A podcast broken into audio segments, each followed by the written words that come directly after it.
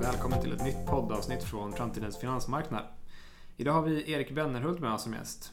Erik är VD på bolåneteknikföretaget Nektergal som utvecklar en eh, white label-tjänst för att hantera utlåning till eh, bolån. Det innebär alltså att barriären för att starta ett bolåneinstitut och sätta igång med utlåning är lägre än någonsin. Eh, detta har alltså lett till så kallade bolåneutmanare såsom Enkla och eh, Alma som har skrivits om mycket i media och också som vi har skrivit om tidigare på 421.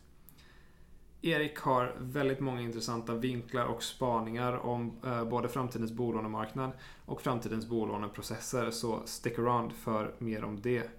Podden presenteras som vanligt av 421, konsultbolaget som är med och driver framtidens finansmarknad. Nu till dagens avsnitt. Varmt välkommen till podden Erik. Tack, tack. Vad kul att ha er här. Vad, vad berätta lite om Nektergal. Ja, vi på Nektergal är ju tekniken bakom bolåneutmanarna. Och eh, min bakgrund är egentligen, mitt första jobb var på en, på en bolånenischbank nere i Europa. Eh, kring år 99. Så, mm. så länge sedan. Ja, ja. Eh, och, och vår affärsidé då var att bygga effektivare system, inte ha kontor och tack vare det ha billigare ränta på bolån än bankerna. De mm. etablerade större bankerna. Eh, och det där, vi lanserade samtidigt som SBAB till exempel. Eh, Europlan Bank hette banken. Eh, och det där gick ju fantastiskt bra i, i ett par år. Ja. Eh, vi hade nära 20 procent utav utlåningen på bolån i Sverige under en kort period. Ja, det är otroligt. Helt otroligt, verkligen. Ja. Och det, där var, det där var en intressant skola för, för mig eh, att se att man kan verkligen åstadkomma ganska stora förändringar väldigt snabbt med hjälp av effektiv teknik. Mm. Så, så det, det var en...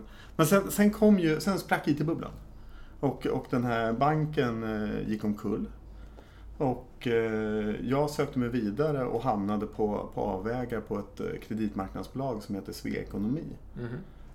Och var med och byggde upp deras lösning för, för in och utlåning. Och där mötte jag på det som kom, bli, kom att bli mina medgrundare. Eh, Micke Abrahamsson som är kvar i bolaget idag. Mm. Eh, var ansvarig för att starta igång Svea Webpay. Och han hade en jätteduktig utvecklare som hette Andreas. Och jag anställde en duktig utvecklare som hette Linda. Och det är så att säga embryot till det som är Nektergal idag. Okej. Okay. Så hur ser ni ut idag och vilka produkter eh, har ni idag? Ja, det vi har idag är eh, en teknisk lösning för, för bolån och blankolån för den delen. Mm. Eh, men vi, vi, fokuserar ganska hårt på bolån nu för att vi tycker att det är en mer, mer spännande marknad där det händer, händer mer saker. Just det. Och hur skiljer ni er till, ehm, till skillnad från ja, bankerna som ni försöker sälja till och vilka är egentligen er target-kund, ehm, storlek och så vidare? Vår, vår produkt, hur ska jag uttrycka det? Eh, den största skillnaden mot, mot bankerna är ju att vi har en produkt som är byggd idag. Modern, ny. Mm. Eh, och, och därmed väldigt mycket mer automatiserad och effektiv än, än det bankerna har idag. Det. det skulle jag säga är den, är den största skillnaden. Mm. Och uh, vår målgrupp, vi har ju vi har verkligen riktat in oss på, vi, vi såg ju här tidigt när vi startade bolaget att, att det kom den här nya lagen om bostadskreditinstitut det vi kallar för bolåneutmanarna, lite slarvigt. Exakt.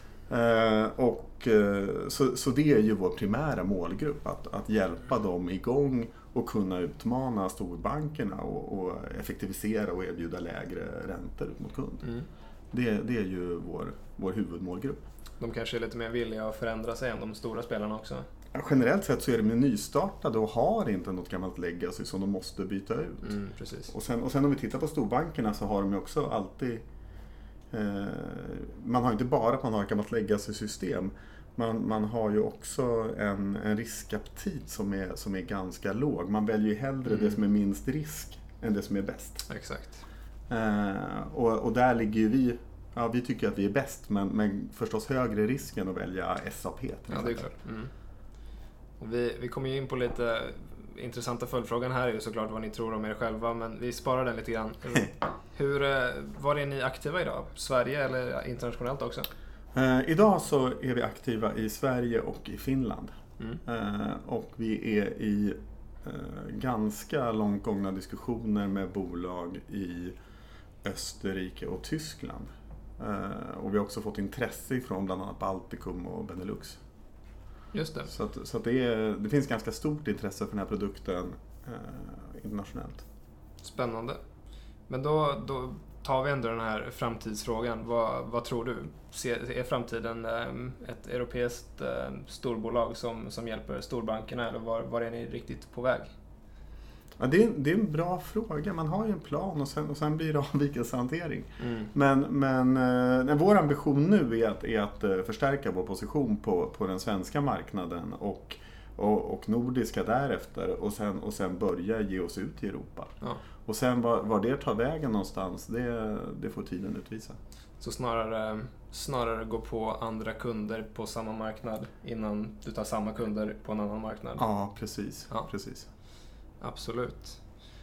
Okej, men lite mer så här eh, produkten jämfört med, med marknaden tycker jag är intressant. Hur skulle du kunna beskriva bankernas processer idag? Hur ser de ut? Och, och hur liksom, eh, mer i detalj, vad, vad är, skiljer sig er produkt från, från deras eh, processer? Ja, alltså bankerna i detalj. Bankerna har ju olika lösningar på det här. Men generellt sett så är ju lösningarna väldigt manuella och ganska långsamma. Det tar, Mm. det tar lång tid från det att du som kund börjar söka om ett bolån till dess att du har pengarna på kontot. Eh, ofta innefattar det ett möte med en, med en bankman, ett fysiskt möte. Eh, så den, där blir ju den stora skillnaden blir att vår, vår process är ju, är ju mycket mer hämtad ifrån, ifrån blankolånevärlden. Det är, en, det är en effektiv ansökan. Man kan söka på mobilen, vi hämtar allt data automatiskt. Vi automatiserar alla beslut och ofta kan man få beslut inom, eh, inom några sekunder eller minuter. Så det är minuter istället för dagar. Och det, det funkar regel, regelverksmässigt helt enkelt? Ja, absolut. Ja. Alltså i själva verket, jag skulle säga på många sätt bättre. Därför att vi har ju byggt systemet efter regelverk som, som GDPR. Mm. Eh, vilket ju, det är lättare att bygga för dem ifrån grunden än att anpassa ett gammalt system där man har data utspritt på olika ställen. Det. gammal legacy som är, som är svår att, att skriva om. ja, det är klart. Men däremot så, så att regel effektivitetsmässigt och eh, regelefterlevnadsmässigt så är, så är det ett fantastiskt system. Men det är ganska smalt. Mm. Så, så där måste man ju säga, det, det, är, det är bankernas andra utmaning. Där bankerna är ju nästan som, de har ju en samhällsbärande funktion där man ska kunna utfärda lån till alla människor runt i hela samhället. Mm. Lite som, som posten, Exakt. när det kommer budfirmor och bara tittar på Stockholm. Det blir svårt att konkurrera i Stockholm. Mm. Så, så att där har vi all respekt för att bankerna, de stora bankerna tar ju, har ett enormt ansvar i att, att kunna hantera hela, hela samhället. Mm. Och det, det kan inte vårt system idag. Det är bra, bra att kunna sina styrkor så att säga. Ja men precis. Mm. Men när, när vi pratar om det här så slutar vi ofta upp och pratar om banken lite grann. Vad, vad är bankens fördelar och så vidare. Mhm. Men vad finns det för fördelar för konsumenten av ett bolån som tar lånet hos en bank som använder er eller ett kreditinstitut som använder er produkt? Ja, den, den stora fördelen är ju att ett effektivare system leder till markant lägre kostnader för banken. Mm. Så, så det, det ska ju leda till eh, lägre kostnader för kunden. Och, och vi brukar säga att eh, om, om vi jämför med vad bankernas IT-kostnader typiskt är jämfört med våra kostnader så, så kan storbankerna spara runt 20 punkter. Och det blir 20 punkter lägre ränta mot kund i förlängningen.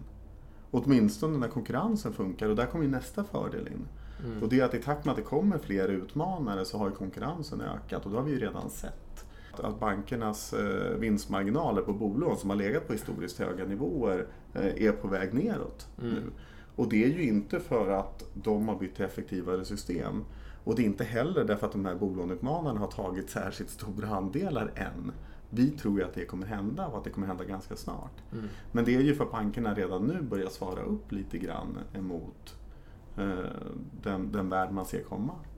Och, det, och det är ju, allt det här är ju konsumentens, eh, till konsumentens fördel. Just det.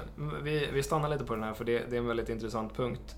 Eh, vi skrev tidigare ett, ett perspektiv eh, förra året om det här ämnet där vi spekulerade lite kring, eh, kring de här nya bolåneutmanarna och hur, huruvida de riktigt kan tänkas ta marknadsandel.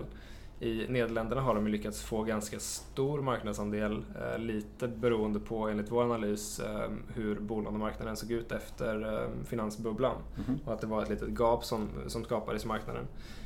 Så var det ju inte i Sverige. Och därför har vi inte riktigt sett att de här nya aktörerna har kommit och tagit någon andel. Men ni tror ju tydligt att det kommer hända. Vad, hur kommer det sig? Ja, vi, vi, ser ju att de här eh, de utmanarna som, som vi eh, har avtal med och de vi, de vi pratar med, alla siktar ju på att eh, sänka räntorna generellt och att erbjuda lån till, till grupper som banken idag inte riktigt hanterar. typiskt, typiskt äldre. För det, för det vi har sett är ju att det finns, ju, det finns ju absolut en vilja att sänka, sänka räntorna och det finns en möjlighet att göra det med, med effektivare organisationer och effektivare system. Mm. Eh, men den stora, den stora utmaningen har ju, har ju varit finansieringsbiten. Där, där flera av de här utmanarna har haft, haft svårt att, att hitta en bra finansiering. Och även om man får betala mer för finansieringen än, än de etablerade storbankerna så, så kommer man kunna erbjuda lägre ränta ut mot kund. Och här ser ju vi, vi hör ju mer och mer prat nu ifrån, ifrån olika pensionsaktörer att man börjar förstå den här formen utav upplägg. Så det, det, vår bild är att det är en, en fora som håller på att plöjas upp. Och, och, att, och att plötsligt så kommer det här öppnas och bli mer och mer mainstream eller vad man ska kalla det för och, och, och därmed växa ganska, ganska snabbt. Mm en detalj där, nu vet jag inte hur relevant det är, men, men uh, Mifid 2, um, regelverket för, för riskklassificering av tillgångar för pensionsbolag och försäkringsbolag, kommer ju till Sverige, om inte precis har kommit till Sverige, det ligger i alla fall i, i uh, pipen vet jag. Mm -hmm. Och den är ju väldigt snäll mot just bolåneinnehav för de här typerna av institut. Precis. Och så här ser det ut i Europa, vilket har varit lite snällare mot just sådana här um, bolåneinnehav för icke-banker. Tror du det här kan ha någon påverkan sen på att de små instituten kan lyckas få finansiering?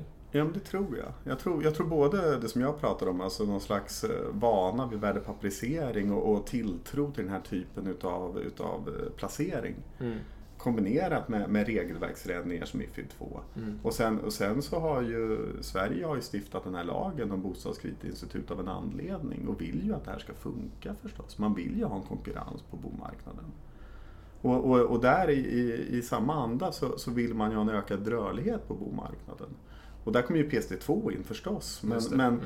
men det, är ju ganska, det finns väl en ganska bred politisk majoritet idag som, som vill ha en ökad rörlighet. Vi ser ju massvis med människor som bor i lägenheter som är för stora för dem, äldre människor. Som, som gärna skulle frigöra kapital och gärna skulle kunna tänka sig att bo mindre men som idag mer eller mindre skulle förlora på att flytta. Och på andra sidan så ser vi en massa unga människor som inte kan flytta in i ett nytt boende.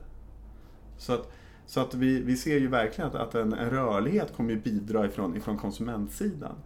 Eh, så, att, så att vi tror att det kan gå fort när mm. det väl kommer. Men det är ju, det är ju kapitalet här som, som är eh, den, den svåra punkten förundra. Kapitalet ändras ju inte lika snabbt som, eh, som resten av samhället. Nej, nej, precis. Ja, men det, det är en intressant spaning. Så alla, alla byggstenarna ligger där med er som er in the backend så att säga. Så så fort finansieringen blir säkrare så... Ja, då, då kommer ju resten lossna. Det, det är det vi tror. Hur, eh, hur kommer bankerna svara på det? Ja, det är, en, det är en jätteintressant fråga. Vi har ju ingen spåkula här. Vi, jag, jag tror att bankerna kommer ha ganska svårt att svara. Mm. Eh, därför att bankerna har eh, det här samhällsansvaret som vi pratade om tidigare. Man, man har ett, ett stort eh, komplext kundutbud med, med massvis med olika speciallösningar som man måste kunna fortsätta hantera. Och, och man har ett högt avkastningskrav på sina bolån eh, kombinerat med att man har gamla legacy-system och en låg riskaptit. Mm. Det, är svårt, det är svårt att se vad banken ska göra. Om, äh, bygga effektivare system, absolut. Men det hade man ju tjänat pengar på och gjort för fem år sedan och har ju inte gjort. Så att, så att det är inte så lätt som att banken bara kan bestämma sig för det och göra det. Komma till en aktör som oss. Vi, ser, vi har ju varit i kontakt med flera av storbankerna mm. eh, och det finns absolut ett intresse. Det är de som kontaktar oss, mm. oftare än tvärtom.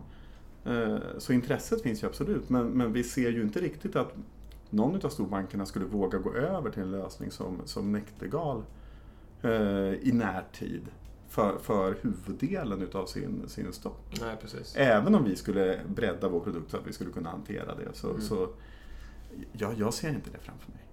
Så, så då är frågan vad kan de göra? Om de inte kan gå med nya aktörer som oss, de kan inte bygga egna system. De gamla systemen som de har är inte effektiva. Jag vet inte. Nej. Nå- något som är intressant, ni, ni är ju en white label-tjänst inom finansvärlden. Ja. Och det finns ju otroligt många andra processer på bankerna också som är, man skulle kunna dra liknande slutsatser på, är, är legacy-system, för mycket manuellt arbete och så vidare. Absolut. Huruvida kan liksom en framtida bank bli någon slags eh, bli någon slags hubb för att klicka på massa white label-tjänster utifrån och så ska det fungera på något vis. Ja, men det här är ju det här är en av bilderna som folk pratar om. Att, man, att banken skulle kunna bli en, ett, som ett varuhus med white label-tjänster mer eller mindre. Mm. Och, och tittar man runt om i, i Europa så ser vi ju N26 gör ju mer eller mindre det och ganska Ja. framgångsrikt också. Så Mm. det, är absolut en, det är absolut en lösning. Men, men där ser vi ju mer att det är neobankerna som tar det och konkurrerar ut de gamla etablerade. Än att en, en etablerad bank långsamt ska byta ut sina legacy-system. Nu gör ju de det, utan, utan att nämna några namn så har ju flera utav, utav de svenska storbankerna i alla fall har ju projekt för att byta ut sina system bit för bit. Mm. Men, men eh, vi har ju sett sådana ansatser tidigare, vi har sett dem misslyckas. Så att det återstår ju att se om, om det här är gången som, som det går vägen. Ja. Ja, det är ju lätt att spekulera såklart och säga men klart de har ju så mycket pengar, de kan bara slänga på lite white label och så funkar det bättre. Men det är ju Jaha. stora komplexa organisationer. Det är ju det, de har ju... Det, det är som du säger, det är stora Ja. komplexa organisationer. Det är, inte, det är inte så lätt att se hur de ska, ska ta sig ur det här. Nej. En annan spännande sak som vi ser det är ju att eh, vi pratar ju nu, eh, har blivit kontaktade av ett par pensionsfonder. Som, som tittar på att själva börja utfärda sina bolån. Mm, För, det, för i ganska hög utsträckning så eh, bankerna lånar ju inte ut ur egen kassa utan de, de lånar ju också ut pensionspengar till Mm. syvende och sist. Och om pensionsbolagen börjar sätta upp sin egen utlåning ut, ja vad behövs bankerna ens i bolångivningen? Den är en väldigt spännande spaning där. Det är, spännande. det, är en spännande spaning. Så där, där ser vi ju framför oss, en jättespännande spaning där vi ser att vi, vi skulle kunna klippa bort ett helt led. Vårt system och, och lite personal för att drifta det och, och personal för kreditgivningen såklart. Eh, det är klart att det är effektivare och billigare än, än en typisk storbank idag. Ja, om vi pratar om de här eh, bolåneutmanarna också, så deras finansieringskällor är ju också de här pensionsbolagen och försäkringsbolagen. Om de utfärdar sina egna så behövs ju inte det ledet heller. Nej, precis. Så här, så här har vi en marknad med flera olika aktörer och, och hur man ska samarbeta. Plötsligt ställs det lite på, på ända och, och vi får väl se när klossarna landar vad, vad som blir framtidens vardag. Mm. Men, men det känns inte alls självklart att det kommer funka precis som idag. Samtidigt så är sådana här förändringsprocesser ju tröga. Det här är Oh ja. ingenting som kommer att ändras om ett halvår Nej, eller om två precis. år. Men, men, men vi ser framför oss att jag, jag tror inte att, att storbankerna och, och deras stora inkomstkälla bolån kommer att se likadan ut om, om tio år som de gör idag. Ja, det är spännande. Det verkar som vi går från, från att banking på ett vis är, är en kompetens som måste sitta hos banken och att istället gå mot Ehm, pengar och en form av marknadsföring ut mot kund när man kan använda er, er tjänst som backend-system. Ja, men precis. Men, men också då, då kan man ju invända mot det att en grej som bankerna har som, som, som försvinner då när man, när man startar en, en effektiv bolåneutmanare utan kontor, utan särskilt mycket personal med vårt eller ett liknande system. Eh, då har ju bankerna någonting som de inte har. Man har, man har kundrelationen, man har kontor, man kan ge personlig rådgivning. Just Det är ändå ett viktigt beslut för många familjer. Man vill, men, och här kommer ju nästa pilsner och det är att storbankerna har ju typiskt sett inte så jättemycket närvaro överallt i landet för bolånegivningen. Mm. Den, den, är också, den, den monteras ju också ner gradvis. Mm. Och, och utan att nämna några namn här, för allting, allting vi gör just nu är konfidentiellt. Men, men vi är ju i samtal med, med aktörer som, som just har personal på plats runt om i landet. som pratar om att utmana bankerna på den fronten istället. Ja, ja. Så, så det är inte bara effektiva utmanare, det är också aktörer med lokal förankring som, som pratar om det här. Så, så det, det, har ju blivit, det har blivit en bransch där, där folk ifrågasätter vad är bolån, vem ska utfärda dem, vad är, vad är den bästa modellen för det? Ja, kanske och, slutsatsen är mer, mer frihet finns i framtiden. Ja, jag, jag hoppas på det, att det kan mm. finnas uh, olika aktörer som kan, som kan tillgodose olika konsumenters behov. Ja, spännande. Du har ju spanat som tusan här nu i, eh, i hela podden i princip. Så ber jag om en till spaning, känns nästan lite extra. Men, men jag tänker göra det ändå. Ja. Eh, för jag tycker vi har haft ett riktigt bra samtal och du, du kom med väldigt många spännande eh, vinklar här. Så en, en helt öppen spaning. Banking, fintech, vad, vad du känner för? Ja, då skulle jag nog vilja ta upp frågan om just rörligheten på bolånemarknaden. Vi var inne och nosade där förut men, men där märker vi när, vi när vi läser Finansinspektionens årliga rapport till exempel om bolånemarknaden så, så målas det fram en ganska positiv bild utav, utav en marknad som är eh, lägre belåningsgrader, högre amorteringstakt. Men, men man tittar från, från politiskt håll och, och, och från Finansinspektionens håll väldigt mycket på stabiliteten i systemet. Men jag, jag, skulle vilja eh, att man tittade mer på, och här tycker jag att många av våra kunder är, är, ligger långt fram. Att man tittar på vad är, det, vad är det konsumenten behöver? Vad är det samhället behöver? Och stabilitet, absolut, det är nödvändigt. Men, men vi behöver den här rörligheten också. Vi har, vi har väldigt många unga som, som inte kan köpa sitt första boende. Mm. Vi har arbetsmarknader som Stockholm dit folk inte kan flytta och jobba. Mm. Vi har gamla människor som, som har mycket kapital uppbundet i fastigheter som de inte kan använda. Mm. Som, som, eh, det, det, är ett ineffektivt system. Mm, absolut. Så det, där, det tycker jag, det, det, skulle jag vilja slå ett slag för att här, här skulle man behöva ganska snabbt komma till, till politiska beslut för att, för att låsa upp det här dödläget. Mm. Och det här, det här är ju att slå in öppna dörrar för alla, alla är överens men, men det skulle behöva hända. Finns det, har du några idéer för hur det ska hända? I och med att vi alla är överens om att det borde hända. Ja oh, du, det är 10 000 kronors frågan, eller hur? Indeed. Uh, nej, jag har inga. Jag, jag känner att det, det är inte riktigt min roll att ha den typen av lösningar. Så. Vi skickar den till uh, vi, Annie vi, helt enkelt. Vi skickar den till, till uh, politikersidan istället. Ja. Mm. Låter bra. Stort tack för att du kom hit idag. Verkligen jättebra samtal tycker jag. Ja, detsamma. Tack. Kul att vara här. Det var alltså Erik Bennerhult på Näktergal. Mer om Näktergal hittar ni på naktergal.tech. Mer om 421 hittar ni på 421.se där ni även kan hitta massor av gamla avsnitt från podden. Tack för att ni har lyssnat.